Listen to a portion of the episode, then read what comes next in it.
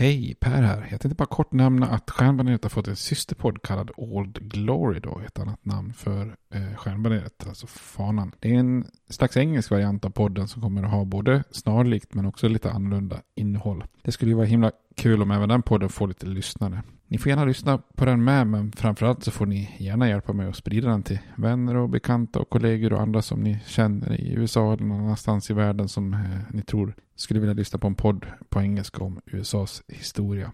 Tack, det var bara det jag ville säga. Nu kommer avsnittet. Hej då! Millions of people have lost weight with personalized plans from Noom. Like Evan, who can't stand salads and still lost 50 pounds. Salads, generally, for most people, are the easy button, right? For me, that wasn't an option. I never really was a salad guy. That's just not who I am. But Noom worked for me. Get your personalized plan today at Noom.com. Real Noom user compensated to provide their story. In four weeks, the typical Noom user can expect to lose one to two pounds per week. Individual results may vary. Hey, I'm Ryan Reynolds. At Mint Mobile, we like to do the opposite of what Big Wireless does. They charge you a lot, we charge you a little. So naturally, when they announced they'd be raising their prices due to inflation, we decided to deflate our prices due to not hating you. That's right. We're cutting the price of Mint Unlimited from $30 a month to just $15 a month. Give it a try at mintmobile.com slash switch. $45 upfront for three months plus taxes and fees. Promo rate for new customers for limited time. Unlimited more than 40 gigabytes per month. Slows. Full terms at mintmobile.com. Hey, it's Ryan Reynolds, and I'm here with Keith, co-star of my upcoming film, If, only in theaters May 17th. Do you want to tell people the big news? All right, I'll do it. Sign up now and you'll get unlimited for $15 a month in six months of Paramount Plus Essential Plan on us. Mintmobile.com slash switch. Upfront payment of $45 equivalent to $15 per month. Unlimited over 40 gigabytes per month. Face lower speeds. Videos at 480p. Active Mint customers by 531.24 get six months of Paramount Plus Essential Plan. Auto renews after six months. Offer ends May 31st, 2024. Separate Paramount Plus registration required. Terms and conditions apply if rated PG.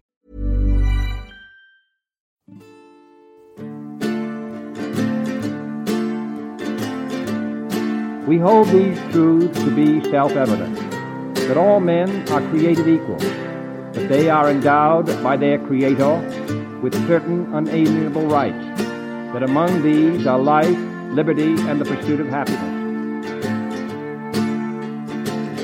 Now we are engaged in a great civil war, testing that government of the people, by the people, for the people, shall not perish from the earth. And so, my fellow Americans, ask not what your country can do for you. Ask what you can do for your country. I have a dream. My four little children will one day live in a nation where they will not be judged by the color of their skin, but by the content of their character. Mr. Gorbachev, tear down this wall. I did not have sexual relations with that woman, Miss Lewinsky. Hej och välkommen till Stjärnbaneret, en podcast om USAs historia med mig Per Fjärdingby. Där jag efter en liten paus tänkte ta upp den här översiktsserien igen då.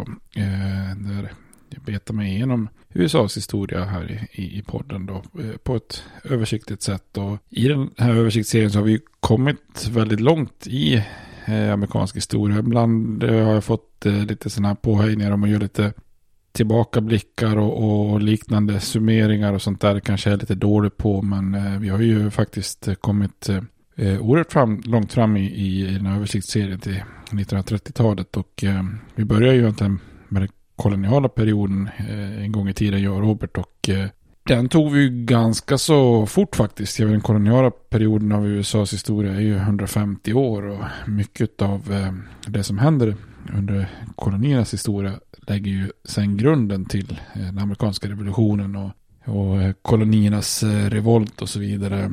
Eh, och sen med revolutionen så, så händer ju allting väldigt eh, snabbt där med frigörelse och självständighet och sen frihetskriget och den egentliga självständigheten och när man får fred med Storbritannien och statsbygget som under 1700-talets eh, sista 20 år formar USA till, till det land eh, som USA är i grunden då. En slags experiment i republikanism och, och eh, utan kungamakt och federalism som ett sätt att styra en geografiskt stort område fast ändå på ett representativt sätt Eh, med, med fokus på lokal makt. Och, och den här liksom revolutionära eran varar ju, kan man säga, mycket, mycket fram till kriget 1812 då så att säga. Eh, efter det kriget, när man kommer fram till 1820-talet, så fokuserar ju USA lite mer på sin egen tillväxt. Och vi pratar om den här expansionen västerut. Och framförallt i först det här nya Louisiana-territoriet. Ni minns kanske när Lewis och Clark-expeditionen och så vidare. Då. Eh, och under den här tiden så demokratiseras ju USA för, för vita män då. Naturligtvis som begränsning då. Men det är ju långt före många av de andra eh, i dagens, av dagens väster, västeuropeiska länder och demokratier. Däremot så var det ju så att slaveriet slog, slog ännu mer rot än vad man kanske hade hoppats på. Och, och sen med annekteringen av, av Texas och vinsten mot Mexiko i, i kriget där på 1840-talet så blir ju landet ännu större. Och slaveriet blir en ännu känsligare fråga beroende på om det ska få finnas i, i de här nya delstaterna längre västerut. Och det här leder ju USA fram till inbördeskriget som ju är fyra år som verkligen förändrar landet eh, i grunden så att säga och lägger eh, liksom nästa, nästa liksom rejält formativa perioden efter revolutionen då. Och efter inbördeskriget så gick vi igenom den här problematiska rekonstruktionen då som, som blir rätt kaotiskt och, och när nordstaterna tappar intresset då i takt med industrialisering och att ekonomiska frågor hamnar i första rummet så, så lämnar man ju lite grann de befriade slavarna åt sitt öde som vi pratat om i, i den serien om medborgarrättsliga eh, medborgarrättigheter och för afroamerikaner och södern kan segregera och diskriminera och isolera sig på, på många sätt. Och, och samtidigt så kommer vi in då i den här andra halvan av 1800-talet med en ganska stor expansion västerut i det som allmänt brukar kallas för vilda västern. Då. Det här är också den här eran, slutet på 1800-talet, som också skapar väldigt mycket sociala problem och arbetarkonflikter då den här så kallade eh, förgyllda eran med, med väldigt snabb industrialisering och väldigt rå, rå kapitalism så att säga. Och, eh, det här leder ju sen då fram till det som man brukar kalla för den progressiva eran. Som ju varar mellan 1890-talet och, och, och, fram till första världskriget. Eh, och vi drog ju också första världskriget i, i några avsnitt där USA dras ju ganska långsamt in i konflikten då och deltar egentligen bara på slutet av kriget. Men det blir ju en väldigt kort och, kort och viktig insats. Och efterspelet blir ju ett ganska mörkt kapitel i USAs historia med otroligt mycket rasvåld och spanska sjukan och eh, hemska arbetarkonflikter och våldsamma strejker och så vidare. Då. Och första världskriget blir också slutet på den här progressiva eran när man har försökt att reformera, reformera och åtgärda många av de här sociala problemen som dök upp under den förgyllda eran. Eh, efter första världskriget så tar ju 20-talet vid då, som ju på många sätt är ett paradoxalt decennium med en industri och kultur kanske på högvarv men också väldigt mycket rasism och andra mörka krafter då som eh, Ku Klux Klan och så vidare. 20-talet i sin tur, som vi såg, tog ju ganska bryskt slut med börskraschen på Wall Street och sen eh, präglas ju 1930-talet av den här stora depressionen då, eh, som är landets värsta ekonomiska kris då. Centralt där blir ju Roosevelts reformprogram och ekonomiska hjälp då som, som kallas för New Deal, eller nya given. Eh, och det är ju lite grann där vi tar upp tråden nu med Eh, när vi har tittat i, på nya given så har vi kollat på mycket av inrikespolitiken på 30-talet. Och nu tar vi upp tråden med utrikespolitiken, vilket ju då är den här plågsamma och långa vägen fram mot eh, andra världskriget. Så jag tänker mig ett avsnitt om det och sen så eh, hugger vi tag lite grann i andra världskriget. Jag tänkte när jag ändå drar igång översiktsserien igen att jag fortsätter den här lilla tråden med, med lite ölinformation och ölrekommendationer som jag och Robert som jag gjorde podden med från början. Eh, en gång i tiden vi började ju rekommendera öl som passade avsnitt vilket ju rent eh, kreativt tog, tog slut lite grann och, och eh, då eh, så tog ju Robert lite initiativ till att vi skulle gå igenom olika ölstilar. Så jag tänkte vi, vi tar, tar vid där då.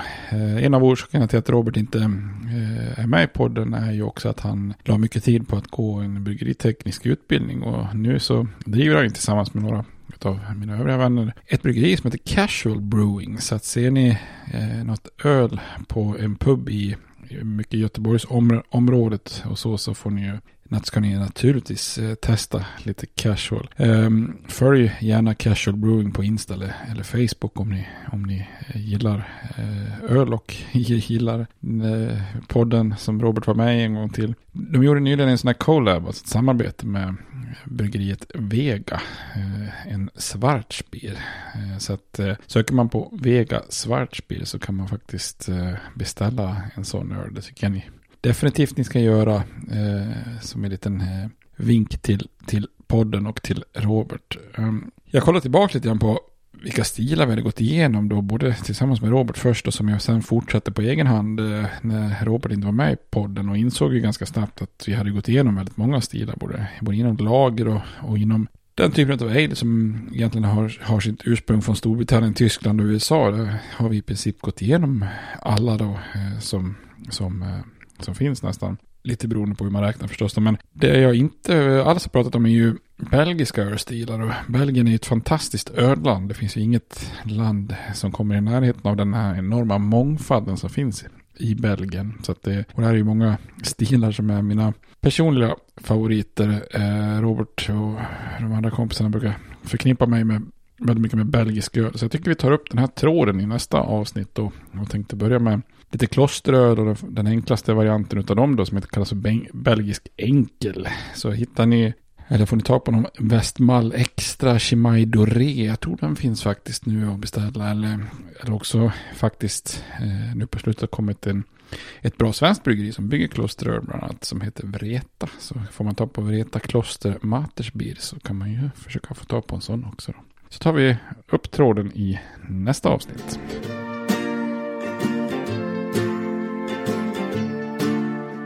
Men om vi vänder blicken ifrån eh, den inhemska scenen så att säga eh, på 30-talet och, och, från den stora depressionen och nya given och tittar lite grann på utrikespolitik. Så på 30-talet så kan man ju även där kanske göra en liten kort återblick och gäller USAs utrikespolitiska historia. Då. man kan ju säga att USA födde sin tid när utrikespolitiken spelade, spelade en eh, enormt stor roll då. Som nybliven nation så eh, var man ju bara liksom ett gäng delstater på Atlantkusten. Och det gjorde ju att USA i sin tidiga historia blev ofrånkomligt indragen då i konflikterna mellan Storbritannien och Frankrike under då, man säger, franska revolutionskrigen och Napoleonkrigen. Eh, lite så eh, efter kriget 1815 då, eh, alltså efter kriget, det heter ju kriget 1812 men det tog slut 1815 och tog förvirrande. Ehm, så eh, blir det ändå lite mer stabilt. Vi har den här kända Monroe-doktrinen som John Quincy Adams, utrikesministern, tog fram då under eller i James Monroes eh, administration då som fastställde lite grann att USAs intressen är, är Amerika och där ska Europa hålla sig borta medan USA inte lägger sig i europeiska angelägenheter då så att säga. Och där, det var lite av en brytpunkt där USA också började fokusera lite mer på den egna kontinenten och i Nordamerika och expandera västerut. Och de viktigaste utrikespolitiska händelserna blir snarare kopplade till sin, sina egna gränser. Då med dels köpet av Louisiana från Frankrike i början på 1800-talet och sen de här erövringarna från Mexiko då, mexikanska-amerikanska kriget 1846 48. Och därefter så ligger ju på 1800-talets andra hälft mycket av den här fokusen, expansionen västerut då med gruvor och boskapsdrivningar och jordbrukare som vi pratade om i västernserien. Och då blir det ju ofrånkomligt snarare konflikter med ursprungsamerikaner eh, eh, i de här så kallade indiankrigen då. Men sen när man börjar närma sig sekelskiftet, ja, eh, alltså 1900 så är ju som man brukar säga västern vunnen och, och återigen då så eh, skiftas fokus i USA eh, på att då landet eh, ska ta en allt större roll i världen utrikespolitiskt då. Det här är ju under den så kallade progressiva eran då med kanske framförallt med start på president William McKinley och Roosevelt, alltså Theodore Roosevelt och, och Taft och senare Woodrow Wilson då lite mer aktiva till exempel i Latinamerika och, och andra ställen också. När man annekterar till exempel Hawaii, kriget mot Spanien och fokus på Kuba som ju ligger väldigt nära då. Man erövrar Haiti, Filippinerna och, och så vidare. Och USA rättar lite grann in sig i, i ledet av imperialistiska makter. Eh, eh, men drar också ett eh, principiellt viktigt streck då i, i sanden om att territorier utanför själva kontinenten Nordamerika som, som erövras får en slags permanent territoriell eh, status eh, så att man inte kan bli delstater så som, som, så som tidigare erövringar då. Där ju sen senare, eller långt senare blir ju kan man säga lite grann Hawaii eh, det enda undantaget.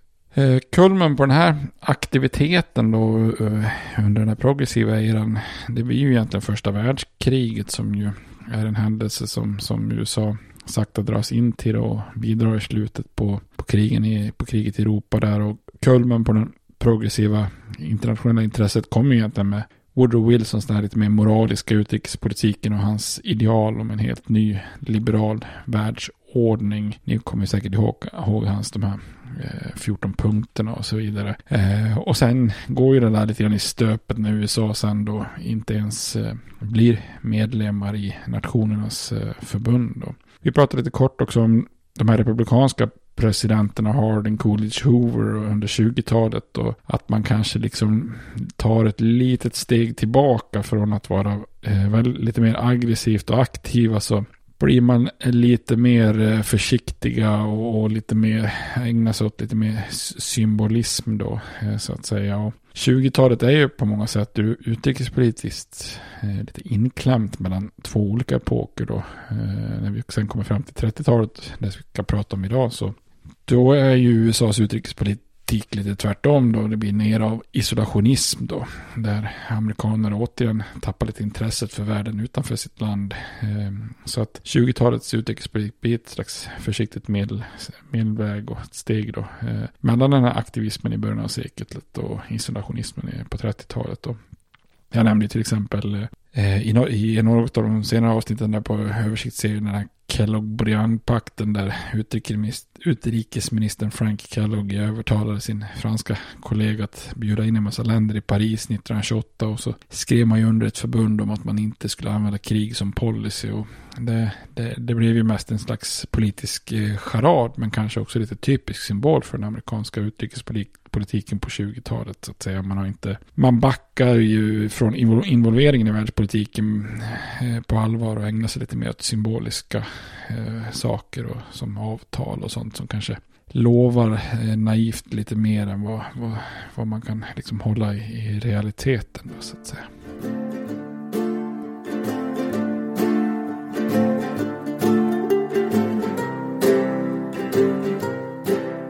När vi sen kommer fram till den stora depressionen och eh, Franklin D. Roosevelt som tar över i Vita huset eh, som president 1933 så hade ju han egentligen två, två problemområden att, att ta hänsyn till. Och det ena var ju den stora depression, depressionen då som ju var den värsta ekonomiska krisen i, i landets historia som jag pratat om väldigt mycket då. Det andra problemet som man måste manövrera lite grann kring också är ju den här ökade internationella instabiliteten som, som kommer på 30-talet och som ju också naturligtvis sett till vad som händer till exempel med hyperinflation i, i Tyskland och så vidare så gör också är kopplade till den ekonomiska krisen på många sätt också. Då, då. Roosevelt han gjorde ju en tydlig kursändring i, i de ekonomiska relationerna med Europa jämfört med sina företrädare. Herbert Hoover hade ju som många andra världsledare haft mycket fokus på det här med krigsskulder och guldstandard för valutan och så vidare. Rosemont däremot var övertygad om att dollarns guldvärde kanske behövde falla så att amerikanska varor kunde konkurrera på världsmarknaden och redan 1933 då så släppte han sitt som man brukar kalla för bombshell message då, som gick emot den här överenskommelsen kring valutastabilitet som en internationell konferens hade etablerat och samtidigt så övergav han Hoovers tidigare löfte om att frågan om krigsskulder skulle lösas genom, genom förhandlingar och 1944 så skrev Roosevelt under en lag som förbjöd amerikanska banker att utfärda lån till länder som inte kunde betala sina skulder. Och det här var ju ett väldigt hårt slag mot Europa där, där länder hade lånat pengar från amerikanska banker bara för att just kunna betala av sina skulder, alltså krigsskulder. Så här sätter han ju lite grann stopp på, på en slags eh, Eh, ekonomiskt system som, som eh, rådde under den här tiden. Då. I övrigt internationellt så gjorde ju också Roosevelt ett försök att närma sig Sovjetunionen då. USA hade ju aldrig erkänt Sovjetunionens eh, styre då efter den här bolsjevikiska revolutionen 1917. Men allt fler amerikaner då, speciellt inom näringslivet såg ju Sovjetunionen som en potentiell handling, handelspartner då. Sovjet i sin tur hoppades ju också på att närma sig USA då i hoppet om att kunna stoppa japansk framfart i Asien då. Ni kanske kommer ihåg att det, det var ju ett eh, rysk-japanskt krig där 1904-1905 där faktiskt Theodore Roosevelt agerade lite grann som eh, fredsförhandlare då. I november 1933 så öppnade USA och Sovjetunionen upp då diplomatiska förbindelser. Eh, men eh, det här försöket att närma sig faller ganska, ganska snabbt. Året, redan året därpå så surnar relationerna kan man säga. Och amerikanska företag hade väldigt svårt att etablera någon form av handelsrelationer eh, då. Och, och USA gjorde ju i sin tur Sovjetunionen besvikna över att agera eh, med ganska mycket eftergifter och så mot japanerna. Så att det här blev väl inte starten på något, eh, något superbra samarbete USA-Sovjetunionen då så att säga.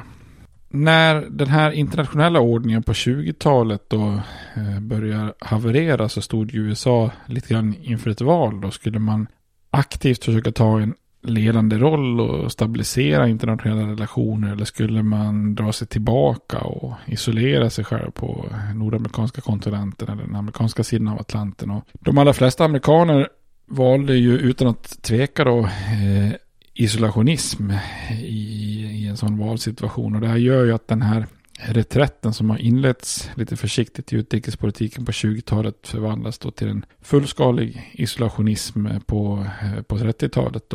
Och en viktig orsak är naturligtvis den stora depressionen. Eh, när landet har så enorma ekonomiska problem som man har då med, med många eh, långa led av arbetslöshet och massa fattigdom och hunger och, och så vidare så hamnar ju kanske inte då utrikespolitiska frågor högst på agendan utan eh, där har vi ju liksom då nya given och en helt annan fokus på, på det inhemska då så att säga.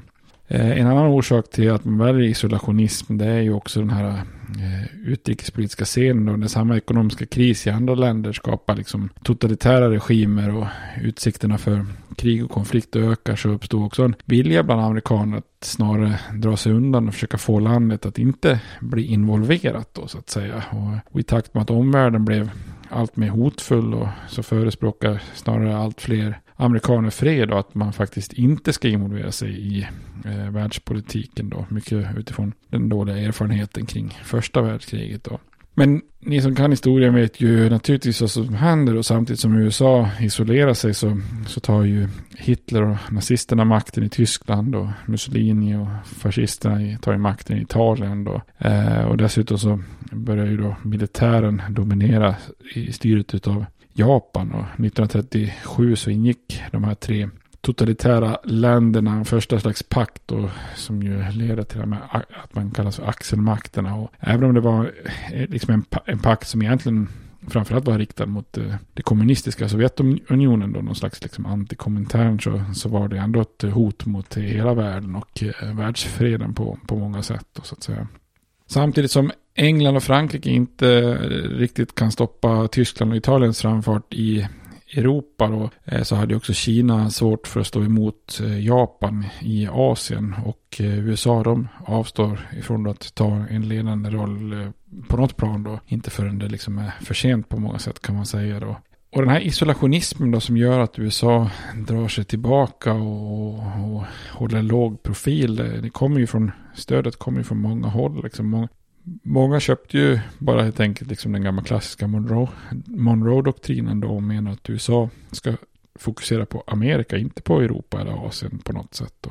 Eh, vissa isolationister var ju tidigare anhängare av Woodrow Wilsons liberala internationalism då, men som liksom blivit desillusionerad av, av alla misslyckanden inom Nationernas förbund och man kanske hade trott på Nationernas förbund och det är ju, eh, alltså Nationernas förbund är ju, var ju den här föregångaren till eh, Förenta Nationerna och FN. Eh, och det här, den här organisationen hade ju haft en väldigt oförmåga att, att stoppa Japans eh, framfart eh, i Asien. Det hade blivit mer mer, mer teori och, och fina ord än eh, praktiken faktiskt. Och otroligt fin, eh, fin byggnad faktiskt, den här gamla Nationernas förbund. Eh, byggnaden som ligger i, i Genève, i Genèvesjön och jättefint pampiga byggnader. Jag har varit där en gång med jobbet och eh, det, är, det, var, det, var, det var pampigt men kanske inte så effektivt kan man säga. Då.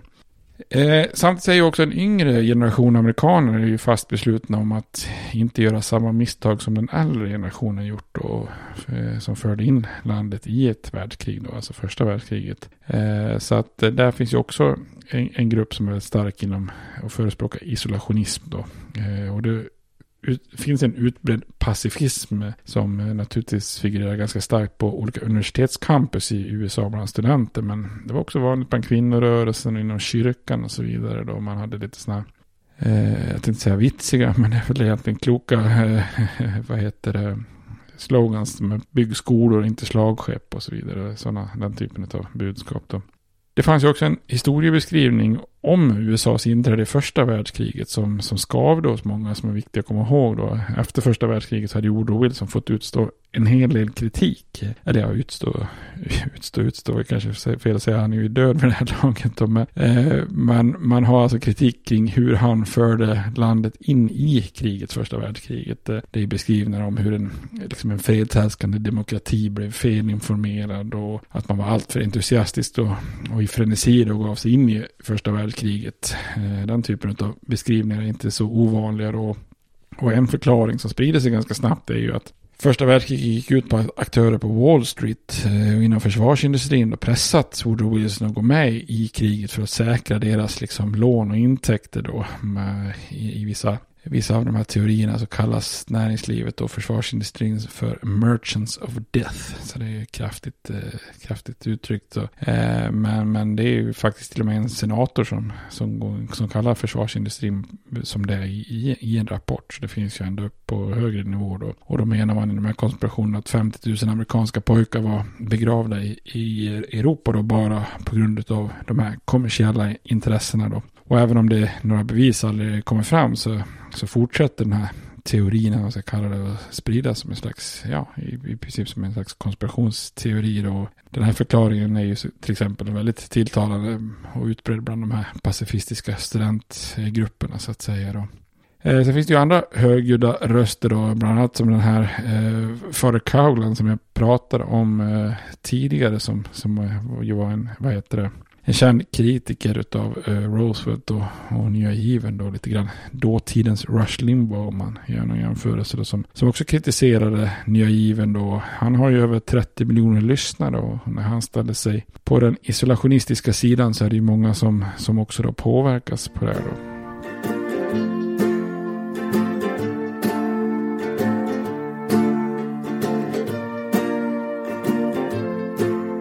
Oavsett vilka de var och liksom vilka budskap de hade så, så, är, så är de här isolationisterna eh, hur som helst en, en, också en politiskt stark rörelse i mitten på 30-talet då eh, i samband med till exempel Mussolini när han anfaller eh, Etiopien eller eh, vad heter det då? Det heter Abessinien eh, då 1935 så blir ju isolationisterna rädda för att ett nytt världskrig ska vara nära och då börjar man agera också i kongressen och resultatet blir en lagstiftning som kallas för Neutrality Act som slog fast då att eh, och, tvingar tvingade vapenförsäljningsembargo mot båda parterna i, beväpnade konflikter och varnar också amerikaner för att resa på, krigförande parters eh, skepp då. Eh, och 1937 och två år senare så förstärks den här neutralitetslagen då med införandet av principen cash and carry då som är, är i att man i lagstiftning slår fast att krigförande parter bara kan köpa icke-militära varor från USA och, och enbart genom att eh, betala kontant och att man skeppar varorna på egna skepp då. Eh, och målet med den här neutralitetslagstiftningen och cash and carry-principen eh, det är ju givetvis att inte riskera att USA dras in i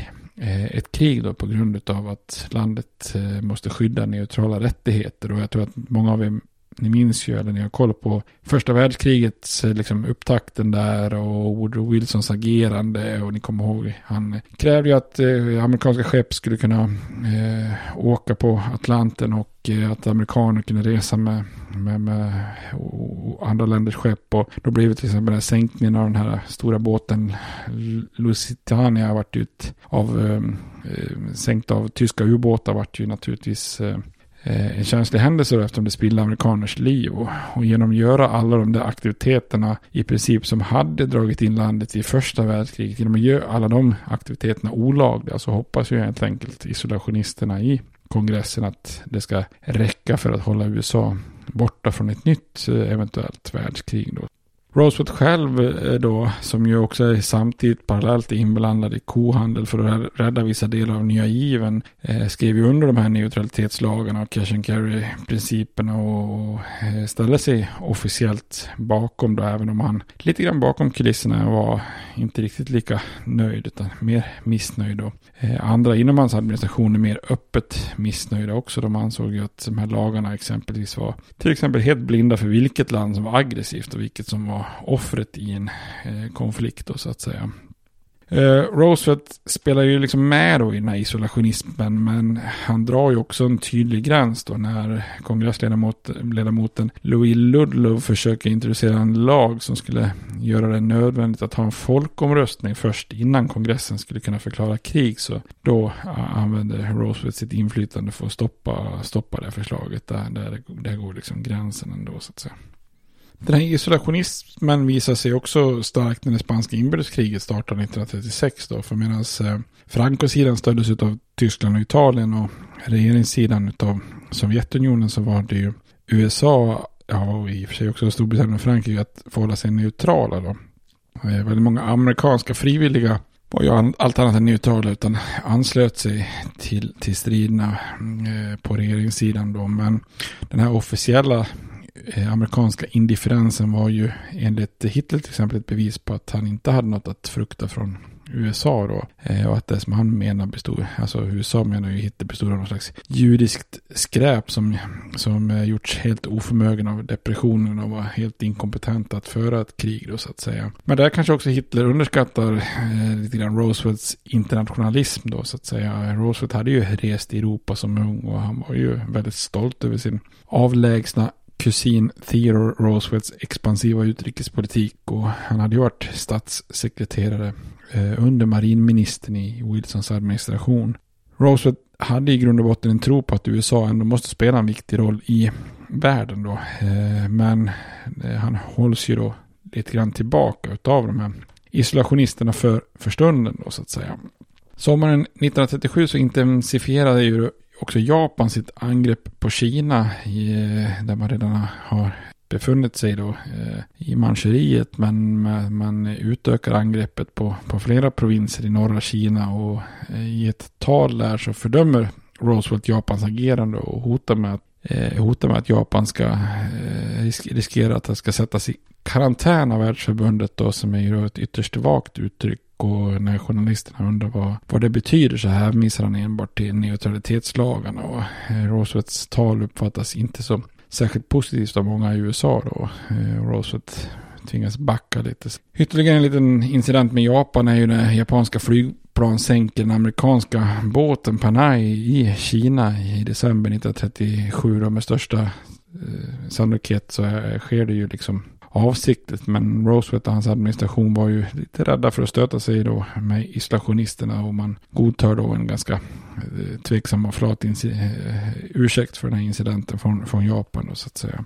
Eh, och att man då kanske gör lite eftergifter mot Japan vid den här tiden är ju inte någon, på ett sätt något som avviker från det övriga mönstret. Och, om man säger, det här är ju en tid då när Hitler tar för sig allt mer i Europa med den här annekteringen av Österrike och sen det här Sudelandet i Tjeckoslovakien och, och där värjer ju de europeiska makterna med, som kanske fått eh, symboliseras främst inom den brittiska premiärministern Neville Chamberlain då i spetsen att man försöker betala ett ganska högt pris för att fortsatt fred då med en eftergiftspolitik då i det som kallas för Münchenuppgörelsen men oaktat att det ofta varit just Chamberlain som får klä skott för den här eftergiftspolitiken så får man väl ändå säga att den amerikanska isolationismen och neutralitetslagstiftningen spelade lite grann Hitler eh, och kompani eh, rätt i händerna på, på, på väldigt många sätt. Då, så att säga. Samtidigt som Hitler kapar åt sig då delar av Tjeck Tjeckoslovakien så bad Roosevelt kongressen att ändra det här vapenembargot och tillåta alla typer av varor under den här principen cash and carry då. Men eh, isolationisterna i kongressen är ju fortfarande starka och menar att det skulle ju gynna Storbritannien och Frankrike framför andra länder. Och man röstar helt enkelt ner det förslaget med, med tunn majoritet. i juli 1939 när, när kriget verkligen började närma sig Europa så övergav ju Roosevelt sin lite mer passiva och reserverade ställning. Och han varnar kongressen att kriget är nära och, att, och vädjar till dem att eh, eh omvärdera sitt ställningstagande när det gäller det här cash and carry. Då. Men de här isolationisterna, eh, bland annat senatorn William Borah som lett kampen mot Nationernas förbund 1919 var ju inte speciellt imponerade och menade att kriget är fortfarande eh, avlägset så att säga. Och efter att ha kollat runt bland eh, senatorerna så kunde ju vicepresidenten John Nance Garner då, han kallas ju för Cactus Jack, fantastiskt bra namn på en politiker då. Men hur som helst kan ju då John Cactus Jack meddela lite krasst då till Roosevelt att you haven't got the votes and there is, that's all there is to it så att säga. Det, Roosevelt har inte riktigt inflytandet för att kunna omvärdera den här principen i kongressen då. Eh, Münchenuppgörelsen är ju ändå någonting som Roosevelt ställt sig bakom i den här tiden då, men, men nu är det liksom lite grann eh, för sent här också. Stalin hade ju bestämt sig för att han och Sovjetunionen inte kunde förvänta sig någon hjälp från västmakterna. Och det gjorde ju att man gjorde upp då med Nazityskland i en sån här icke-aggressionspakt. Då, den här Molotov-Ribbentrop-pakten. Eh, med, med händerna så att säga friade eh, österut så, så sätter ju Hitler press på, på Polen. Eh, då Storbritannien och Frankrike drar ju då sin gräns och lovar Polen stöd. Och ni vet hela historien då, första september så är ju andra världskriget eh, ett faktum i Europa. Då.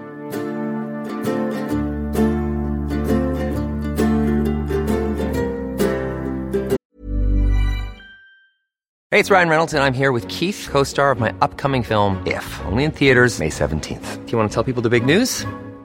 All right, I'll do it. Sign up now and you'll get unlimited for $15 a month in six months of Paramount Plus Essential Plan on us. Mintmobile.com slash switch. Upfront payment of $45 equivalent to $15 per month. Unlimited over 40 gigabytes per month. Face lower speeds. Videos at 480p. Active Mint customers by 531.24 get six months of Paramount Plus Essential Plan. Auto renews after six months. Offer ends May 31st, 2024. Separate Paramount Plus registration required. Terms and conditions apply if rated PG. Burrow's furniture is built for the way you live. From ensuring easy assembly and disassembly to honoring highly requested new colors for their award-winning seating, they always have their customers in mind. Their modular seating is made out of durable materials to last and grow with you. And with Burrow, you always get fast, free shipping.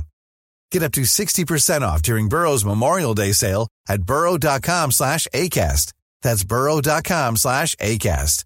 burrow.com slash ACAST.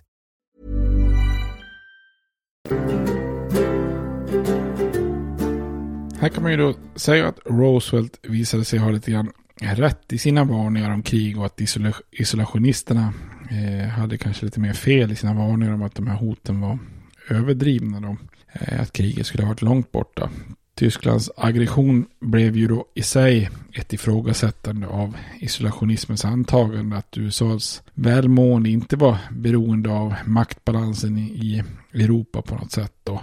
Både strategiska och eh, ideologiska då, om man, alltså ideologiskt med tanke på de odemokratiska inslagen i axelmakternas eh, totalitära styren då, så kan man säga att både de strategiska och de ideologiska aspekterna hade underminerat den amerikanska strategi, strategin om att säkerhet bäst nåddes via neutralitet och icke-involvering. Det gör ju att allt fler amerikaner insåg att deras egen demokrati och säkerhet på något vis blir satt under hot. Då. Eh, och till en början så förklarar sig Roosevelt och USA neutrala då när andra världskriget bryter ut. Eh, och i två år så eh, försöker USA att hålla sig ur kriget samtidigt som det rasar i Europa och Asien. Och den här neutralen skulle ju bli väldigt utmanande och besvärlig och, och problematisk på många sätt som vi ser här. Även om USA är neutrala så, så är det ju så att presidenten eh, och eh, så är ju väldigt tydlig med var eh, amerikanska sympatierna låg då. Och i ett tal så säger han då att this nation will remain a neutral nation but I can't ask that every American remain neutral in thought as well. Där är det ju så att i bokstavligt talat de flesta amerikaners tankar så eh, lutar ju sympatierna eh, självklart mot Storbritannien och Frankrike och, och dess allierade då. Ja, brukar ju bara kallas de allierade. Och den stora frågan nu är ju hur mycket kan USA eh, vara villig och hjälpa de allierade eh, i det här läget när kriget har uppstått då. Och det minsta som USA kunde göra för de allierade var ju att försöka erbjuda varor då från krigsindustrin så att eh, inte Tyskland på något sätt skulle ha en industriell fördel då att man från USA kan ställa den amerikanska industrin eh, bakom eh, de allierade. Och bara två veckor efter krigsutbrottet så kallar ju Roosevelt samman kongressen i en, en sån extra eh, sittning då. Eh, som, som presidenten har, har, möjlighet att göra då i tider av kris. Så kallar man in då i kongressen för en så kallad special session då. Eh, och han kallar ju in kongressen då redan i september 1939 för att just revidera de här neutralitetslagarna.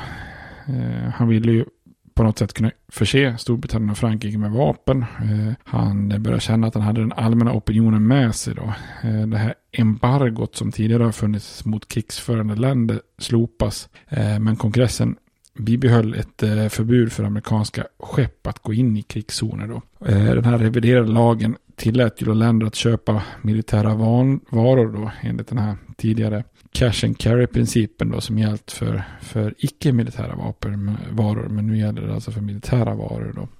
Eh, I USA var ju många övertygade om att den brittiska flottan och amerikanska, eller vad säger eh, Frankrikes stående armé på, på 800 000 man då skulle kunna försvara Europa utan någon form av amerikansk eh, militär assistans. Då. Den amerikanska industrin då i kombination med den brittiska Eh, flottan, eh, de brittiska skeppen och eh, franska landkrafterna tänker man sig att det ska väl som en liten kombination kunna stoppa Hitler.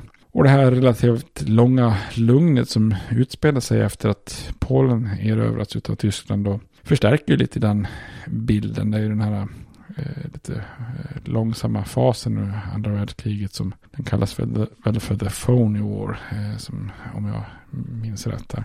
Men Sen händer ju någonting här. Våren 1940 så sätter ju Tyskland igång med sitt blixtkrig då mot både Danmark och Norge och sen då Beneluxländerna och, och, Frankrike. Och på bara några veckor så hade ju Tyskland exempelvis då vunnit eh, väldigt stora framgångar där på västfronten där man Eh, på samma liksom front där man hade misslyckats under fyra år under första världskriget. Då. Eh, och i USA då, eller ja inte bara i USA naturligtvis, utan stora delar av världen så är man ju chockad över vad det här har, vad är det som har inträffat då. Eh, mitt under den här tyska offensiven i maj 1940 så godkände kongressen på presidentens begäran eh, en miljard dollar för att eh, rusta upp det amerikanska försvaret. Och samma dag hade ju Winston Churchill skickat en lista till USA med en vädjan om krigsmaterial för att Storbritannien skulle kunna överleva och stå emot Tyskland. För nu är det ju snart liksom då bara Storbritannien kvar då. Och det här är ju de här mörka dagarna av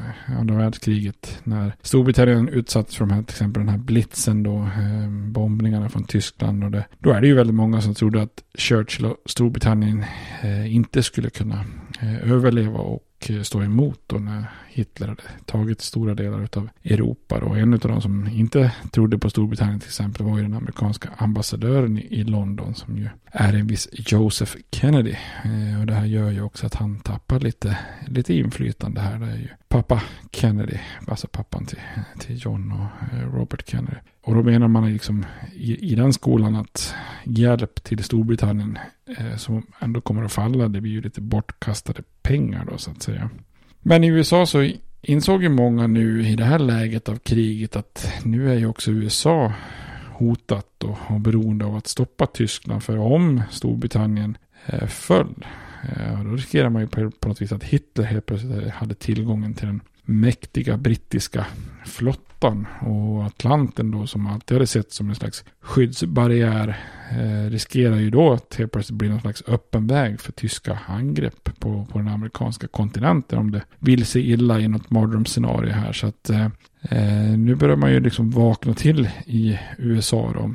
Eh, och särskilt Roosevelt, han är ju fast besluten om att hjälpa britterna med krigsmaterial och ekonomiskt stöd. Eh, och hans svar på det här är ju att ge de allierade all hjälp de kunde få utan egentligen en formell krigsförklaring mot Tyskland. Då.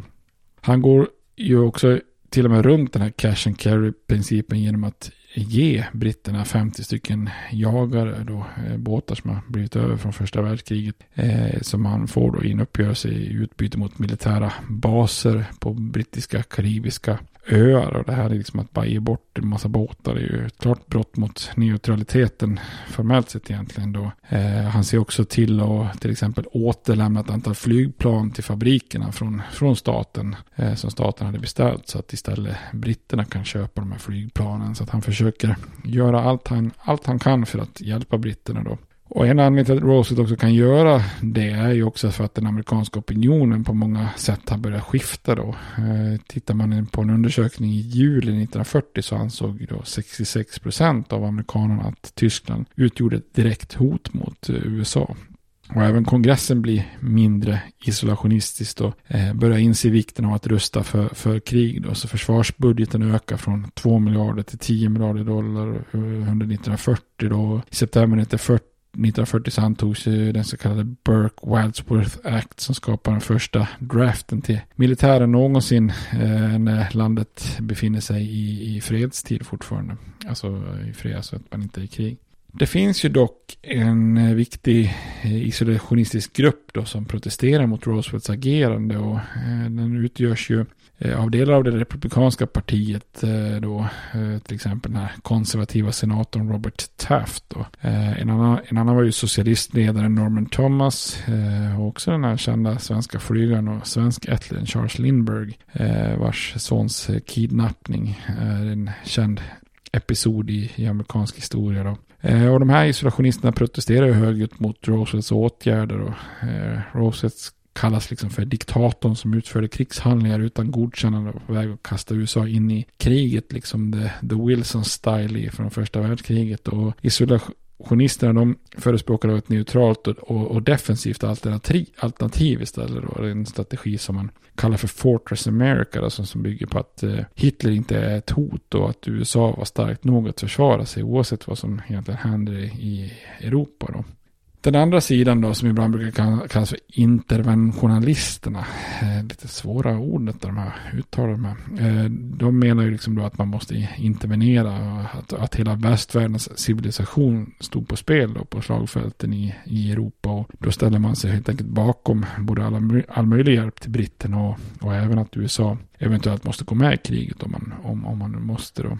Roosevelt och den här gruppen då som är för intervenering, de får ju då ett allt starkare stöd eh, i befolkningen då.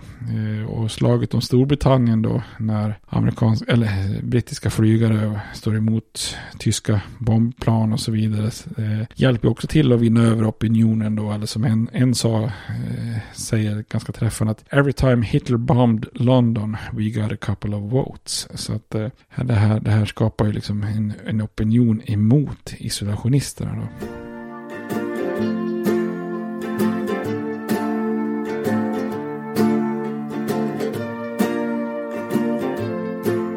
Inför presidentvalet 1940 så var ju såklart en, en av de stora frågorna bland demokraterna ifall Roosevelt skulle bli den första någonsin att bryta den här praxisen som George Washington satte eh, redan som första presidenten med, med att enbart sitta två mandatperioder. Eh, alla andra presidenter efter honom har ju suttit en eller två och sen har man klivit av då. För ingen har vågat liksom Eh, Eh, utmana att någon ska kalla, säga att man är större än George Washington, den, den gamla hedliga hjälten då. Men eh, Roosevelt, han eh, blir ju den första någonsin som försöker bli omvald en, en, en, tredje gång då så att säga. Eller ja, en teknikalitet då. Alltså Theodore Roosevelt försökte ju bli vald från det progressiva partiet. Så, eh, eh och det var ju ett andra val då. Första mandatperioden som Republikanerna tagit över från sin vice. Så att det beror lite på hur man räknar och så vidare. Då. Men ja, jag skiter i den tekniska detaljen. Eh, Roosevelt själv, han avslöjar ju inte sina ambitioner officiellt då. Men genom att eh, vägra dra sig ur aktivt då från valet så sätter han ju alla andra demokrater lite på pottkanten. För ingen annan vågar ju försöka få nomineringen så länge de inte vet om presidenten kliver av tåget eller inte. Då. Och precis innan partikonventet så meddelade Roosevelt att han eh, skulle kunna tänka sig att acceptera att bli nominerad, i alla fall i teorin då. Och, och därmed på något vis så skingrar han ju alla tvivel och, och, saken blir ganska snabbt då också avgjord i praktiken då. Eh, partiet, alltså Demokraterna, nominerar om presidenten och eh, accepterar ju också valet av vicepresidentkandidat i form av jordbruksministern Henry Wallace som ju är en väldigt liberal eh, kandidat eller liberal demokrat och, eh, och, och, och, lite kontroversiell i många ögon då så att säga. Eh, och tidigare vicepresidenten då, han, Cactus Jack Garner var ju en i, i raden av många som, som tyckte att vicepresidentämbetet var väldigt värdelöst. Eh, så till den milda grad att han vid något tillfälle sa att det var inte ens värt, not, not worth a bucket of warm piss. I tidningarna ibland förmedlat till a warm spit. Men hur som helst då. Republikanerna de nominerar ju en herre som heter Wendell Wilkie, en eh, affärsman från Indiana och före detta demokrat faktiskt. Han var både omtyckt och skicklig på kampanjande. Men Republikanernas budskap var ju i det här läget lite för likt Demokraterna och, och att det skulle att man skulle försöka hålla USA utanför kriget och med av de allierade. Och när Demokraterna och en sittande president säger ungefär samma sak så, så är saken liksom biff då. Roosevelt vinner ganska komfortabelt med 50%, 55% av rösterna då. Vilket gav 449 elektors röster mot 82 för Wilkie då. Och därmed för första gången någonsin i USAs historia så satt en president kvar en tredje mandatperiod hade blivit vald, vald en, en tredje gång då helt enkelt. I slutet av 1940 efter valet då så tog Roosevelt ytterligare nya steg för att hjälpa då främst Churchill och britterna som var oerhört pressade av Tyskland genom den här, till exempel de här bombningarna och blitzen och så. Storbritannien var ju det här laget nästan bankrutt Eh, och det skapade då problem för då kan man inte heller längre leva upp till den här principen om cash and carry som, som USA hade satt och som kongressen hade slagit fast att man skulle betala cash och frakta, frakta varorna själv då så att säga. Eh, Roosevelt lyckas ju i det läget då införa en annan princip då som blir väldigt viktig. Den så kallade Land-Lease-principen som innebar då att den federala staten inte bara kunde sälja utan även också då låna ut eller ingå leaseavtal med länder vars kamp ansågs så att säga viktig för USAs försvar. Eh, kongressen antog lagen med väldigt stor marginal i mars 1941 så det visar ju lite grann hur isolationismen börjar ebba ut. Eh, och därmed kan USA skicka vapen och material till britterna och, och andra allierade enbart i utbyte om att de ska på något vis återlämnas efter kriget och man lånar ut krigsmaterial och alla förstår ju att i realiteten så, så är det ju liksom gåvor som förbrukas när de används så att säga. Eh, och Roosevelts motståndare och isolationistisk republikan ska senaten, senator, senatoren eh, Robert, heter det, Sena, senatorn Robert Taft, han kritiserar den här landlease-åtgärden, eh, med eh, ganska roligt sagt. Han säger att lending war equipment is a good deal like lending chewing gum. You don't want it back. Eh, och det var ju i princip också vad vad Roosevelt och, och de andra egentligen accepterade. Det här blir ju mer eller mindre nästan som, som gåvor då så att säga. Roosevelt börjar också i sin retorik förespråka att USA ska bli då det han kallar för the great arsenal of democracy. Då. Eh, och USA hade ju lite grann gått all in på att försöka rädda Storbritannien med ekonomisk hjälp. Eh, och Land Lease var ju lite av att förklara ett ekonomiskt krig egentligen mot Tyskland. Då. Men även om man hade löst själva, om man säger cash, land, lease, eller ge bort delen i den här ekvationen så kvarstod ju det andra ledet, alltså carry-delen. Eh, amerikanska varor behövde ju också nå de allierade, frakt, fraktas dit så att säga. Och tyska ubåtsattacker gjorde ju eh, dessvärre Atlanten livsfarlig för trafik då. Britterna förlorar båtar betydligt snabbare än de kunde ersätta dem och, och, deras förmåga att frakta material från USA höll ju på att eh, elimineras av, av tyska ubåtar. Då. Eh, så Roosevelt då i, i samma anda som Woodrow Wilson under första världskriget proklamerar ju då att stora delar av Atlanten eh, ska anses vara en neutral zon och att USA då eh, hade ansvar att eh, patrullera där då. Halvvägs in i 1941 så patrullerade amerikanska skepp Atlanten då så långt österut att de befann sig inte så långt ifrån Irlands kust då så att säga.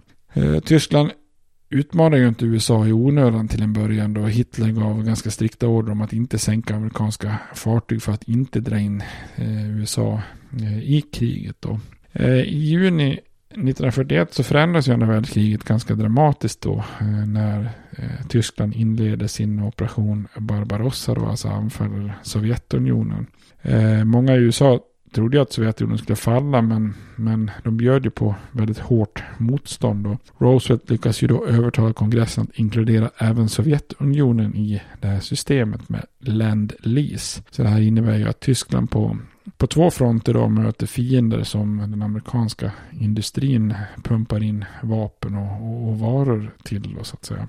Så Land Lease var ju en viktig del i att bromsa tyskarna eh, och var ju till stor hjälp då. Eh, vid krigets slut 1945 så hade den ekonomiska hjälpen uppgått till 50 miljarder dollar, alltså fyra gånger så mycket som man lånat ut under första världskriget. Då. I september väljer då Hitler att släppa loss ubåtarna även mot amerikanska skepp. Då. Eh, och Roosevelt han beordrade sina skepp att sänka tyska ubåtar på fläcken. Då. Eh, och efter att den amerikanska jagaren Ruben James sänkts av tyskarna i oktober 1941 och 96 amerikaner miste livet så gav kongressen sin godkännande att beväpna handelsflottan att amerikanska skepp skulle kunna åka hela vägen fram till allierades hamnar. Då. Så här kan man ju säga att man egentligen då slopar slopar helt enkelt det här carry-kravet i, i, i, i, de här principerna för, för att frakta. Då. Eh, och den här neutralitetshållningen som man hade haft från början hade ju egentligen då i många sätt i praktiken då egentligen övergetts i det här laget då.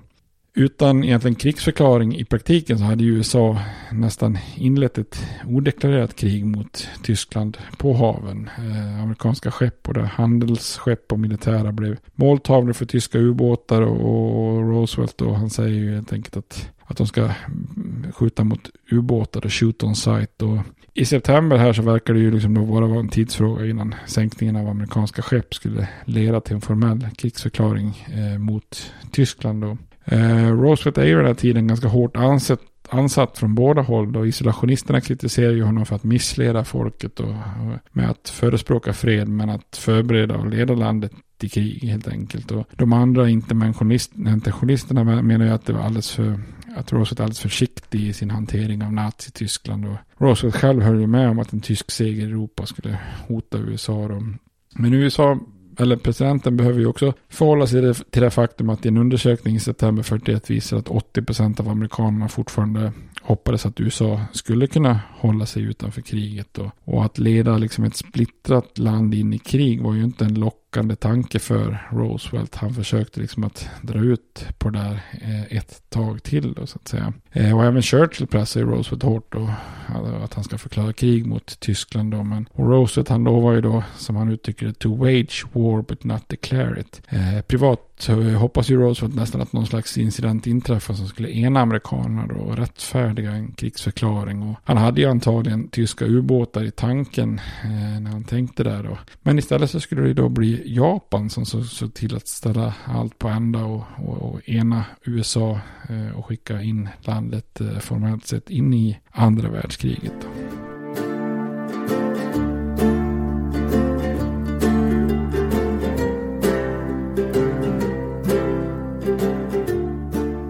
Japan hade ju dragit fördel av kriget i Europa för att ytterligare expandera sitt imperium i, i Asien och Stilla havet. Och redan 1931 hade man ju Japan börjat erövra Manchuriet och den här nordöstra delen av Kina. Då, en region som var väldigt rik på kol och järn och timmer och sojabönor och massa produkter som det importberoende Japan var i väldigt stort behov av. Då. Och regionen fungerar också som en slags buffertzon gentemot Sovjetunionen. Eh, anfallet på Kina fortsatte och intensifierades som jag sa tidigare 1937. Och även om man framgångsrikt erövrade vissa kustområden så hade ju Eh, det kinesiska motståndet eh, under Chiang Kai-shek eh, då retirerat in i landet och, och erbjuder fortfarande motstånd. Och det var under de här offensiverna som den här amerikanska båten sänkte som jag nämndes tidigare. Då. Men Tysklands seger över Frankrike och Nederländerna 1940 var ju något som Japan var snabba att eh, utnyttja. Då. I, I, juli 1941 så anföll man franska Indokina, eh, alltså lite grovt uttryckt Vietnam och Laos och Kambodja då, om man jämför dem. Man erövrade huvudstaden i, i, i Vietnam. I december 41 så anföll man sen då också det oljerika holländska Östindien då, eh, lite grovt sett dagens Indonesien då. Eftersom USA då hade knäppt knäppt, knäckt japanska koder så, så visste man ju om planerna på att, att attackera holländska Östindien. Och Roosevelt varnar ju de styrande i Tokyo för att inte göra det. Men Japan struntar i den här varningen så frös USA alla japanska tillgångar och begränsar Japans möjlighet att köpa amerikanska varor kraftigt. Då. Och eh, med Frankrike och Nederländerna besegrade med ett Storbritannien som kämpar för sin överlevnad så var den amerikanska ekonomiska sanktionerna egentligen det enda som eh, försvarades just då från japansk aggression vid det här laget. Då, så att säga. Japan står ju nu liksom lite grann inför ett eh, vägval. Då skulle man backa lite och försöka förbättra relationerna med USA för att få tillgång till amerikanska varor och olja och så vidare. Eller skulle man då strunta i USA och riskera krig och försöka få tillgång till olja och råvaror genom att fortsätta att utnyttja europeisk svaghet och erövra deras kolonier i, i Asien då. I oktober så tog ju militära, militärer ledda då av general Tojo över makten i, i eh, Tokyo och därmed så vann ju också de här krigsförespråkarna. Och när Japan ingick en försvarsallians med Tyskland och Italien så innebar ju det ett hot mot USA om ett slags tvåfrontskrig på många sätt. Och samtidigt så innebar ju avtalet att eventuella tvivel skingrades kring den amerikanska misstanken om att Japan var en del av det här världsomspännande totalitära hotet på många sätt.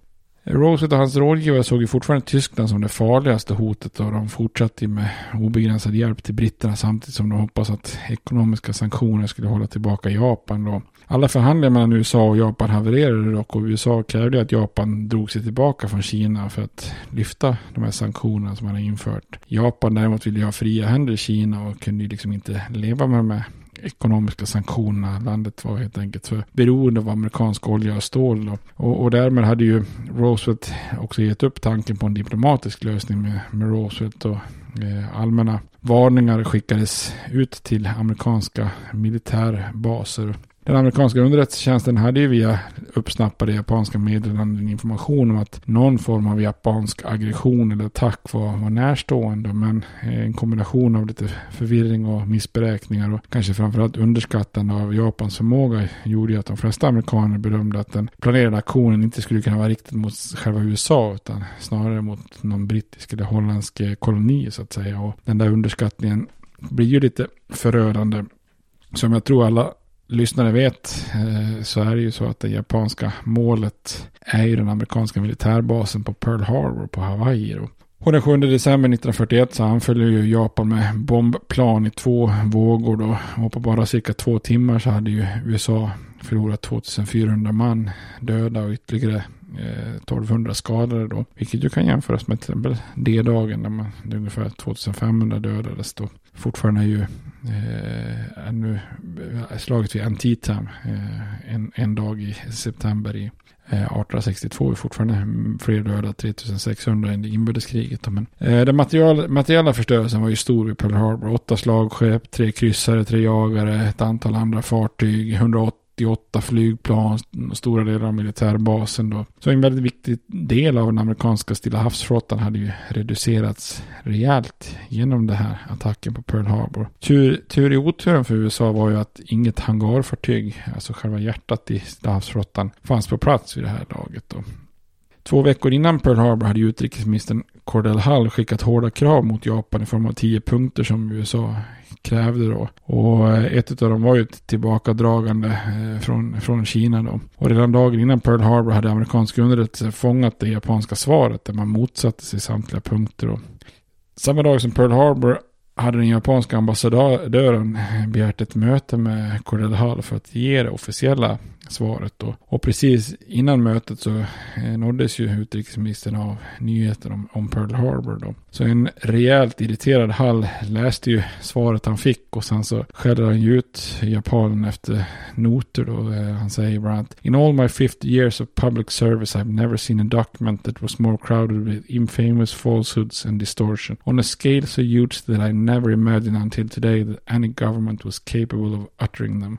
Pearl Harbor är ju en händelse då som enar amerikanerna inför den kommande krigsinsatsen. Då. Redan dagen efter så höll ju president Roosevelt ett väldigt känslofyllt tal i kongressen som i, i princip enhälligt då godkänner en krigsförklaring eh, mot Japan. Då det är ju enhälligt i senaten och eh, i representanthuset där det är 388 röster mot ett. Det är faktiskt bara Jeanette Ranking som pacifist och första kvinnan i kongressen som också röstade emot första världskriget eh, är den som röstade emot eh, andra världskriget.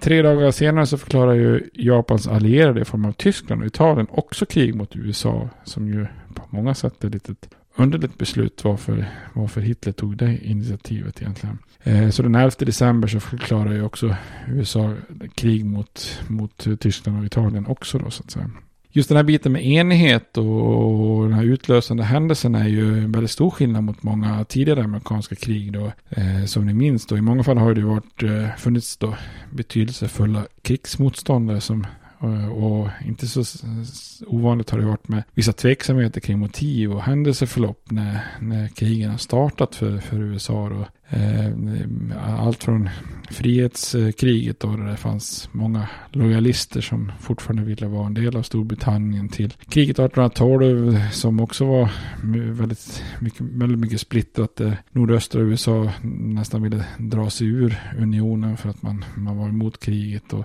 I Mexikokriget så var det ju en väldigt eh, kontroversiell händelse på Texas gräns som, som ledde upp till kriget. Och det här WIG-partiet som fanns på den tiden var ju väldigt kritiskt amerikanska till kriget. Och spanska-amerikanska kriget hade ju börjat med den här lite underliga sänkningen av det här skeppet eh, Maine. Då. Och första världskriget som ni minns var ju en väldigt lång och seg eh, debatt kring hur man skulle agera och, om det, man verkligen skulle in i kriget. Då. Så andra världskriget har ju på så vis en väldigt mycket tydligare start med, med en väldigt tydlig händelse och en väldigt enig opinion då. Sen finns det naturligtvis som givetvis med, som allt i amerikansk historia, en del konspirationsteorier även i Pearl Harbor. Då. Men USA hade ju försökt att spela en viktig roll internationellt då, men strävat efter att agera självständigt då. Och landet hade ju liksom aldrig gått med i Nationernas förbund och inte ingått i några i, i allianser. Och isolationism hade varit den här ledstjärnan, den, den stora depressionen och totalitära regimer hade ju tyvärr då eh, hindrat den amerikanska visionen om fred och handel. Och Roosevelt hade ju, eh, låg ju på ett sätt hela tiden steget före med att försöka involvera landet i internationella frågor och begränsa de här totalitära regimernas framfart. Och han hade ju inledningsvis eh, hindrats då, men opinion, opinionen följde ju inte långt efter honom då och ekonomiskt och internationellt stöd eh, och begränsat krig med Tyskland på havet hade ju varit det första steget då, men efter bombningen vid Pearl Harbor så är det ju all in då i andra världskriget. Och Japan hade ju skingrat all, alla form, all form av isolationism och tveksamheter. Så, eh, och på så vis då också enat amerikanerna på ett eh, historiskt eh, unikt sätt kan man ju då säga. Eh, efter kriget så uppstod ju en teori om att Roosevelt sen till eh, Japans planer och fört landet in i kriget avsiktligt genom att offra Pearl Harbor. Och undersökningen visar ju att misstag hade begåtts både i Washington och på plats på, i Hawaii då, men är absolut inga bevis för konspiration då. Även lokala befäl hade ju inte kunnat tro tanken om att Japan skulle attackera tusentals kilometer från Japan då, men i princip alla amerikaner, inklusive Roosevelt, hade ju underskattat japanerna och, Roosevelt hade heller aldrig kunnat förutse att Hitler skulle ändra sin policy och lite klantligt deklarera krig mot USA efter Pearl Harbor, så att det tyder ju på, på en viss eh, aspekt av det hela. Då. Oavsett så var ju USAs långa reträtt från isolationism och ett par år av väldigt utmanande neutralitet över. dem. Och eh, USA hade gått in i, i eh, andra världskriget. Då. Men eh, mer om andra världskriget i de kommande avsnitten helt enkelt. Tills eh, dess så får ni ha det himla bra. Ha det gott. Hej då. States like these and their terrorist allies constitute an axis of evil And if the hippies and the yippies and the disruptors of the systems that Washington and Lincoln as presidents brought forth in this country will shut up and work within our free system of government, I will lower my voice. If the impeachment provision in the Constitution of the United States will not reach the offenses charged here, then perhaps that 18th century Constitution should be abandoned to a 20th century paper shredder.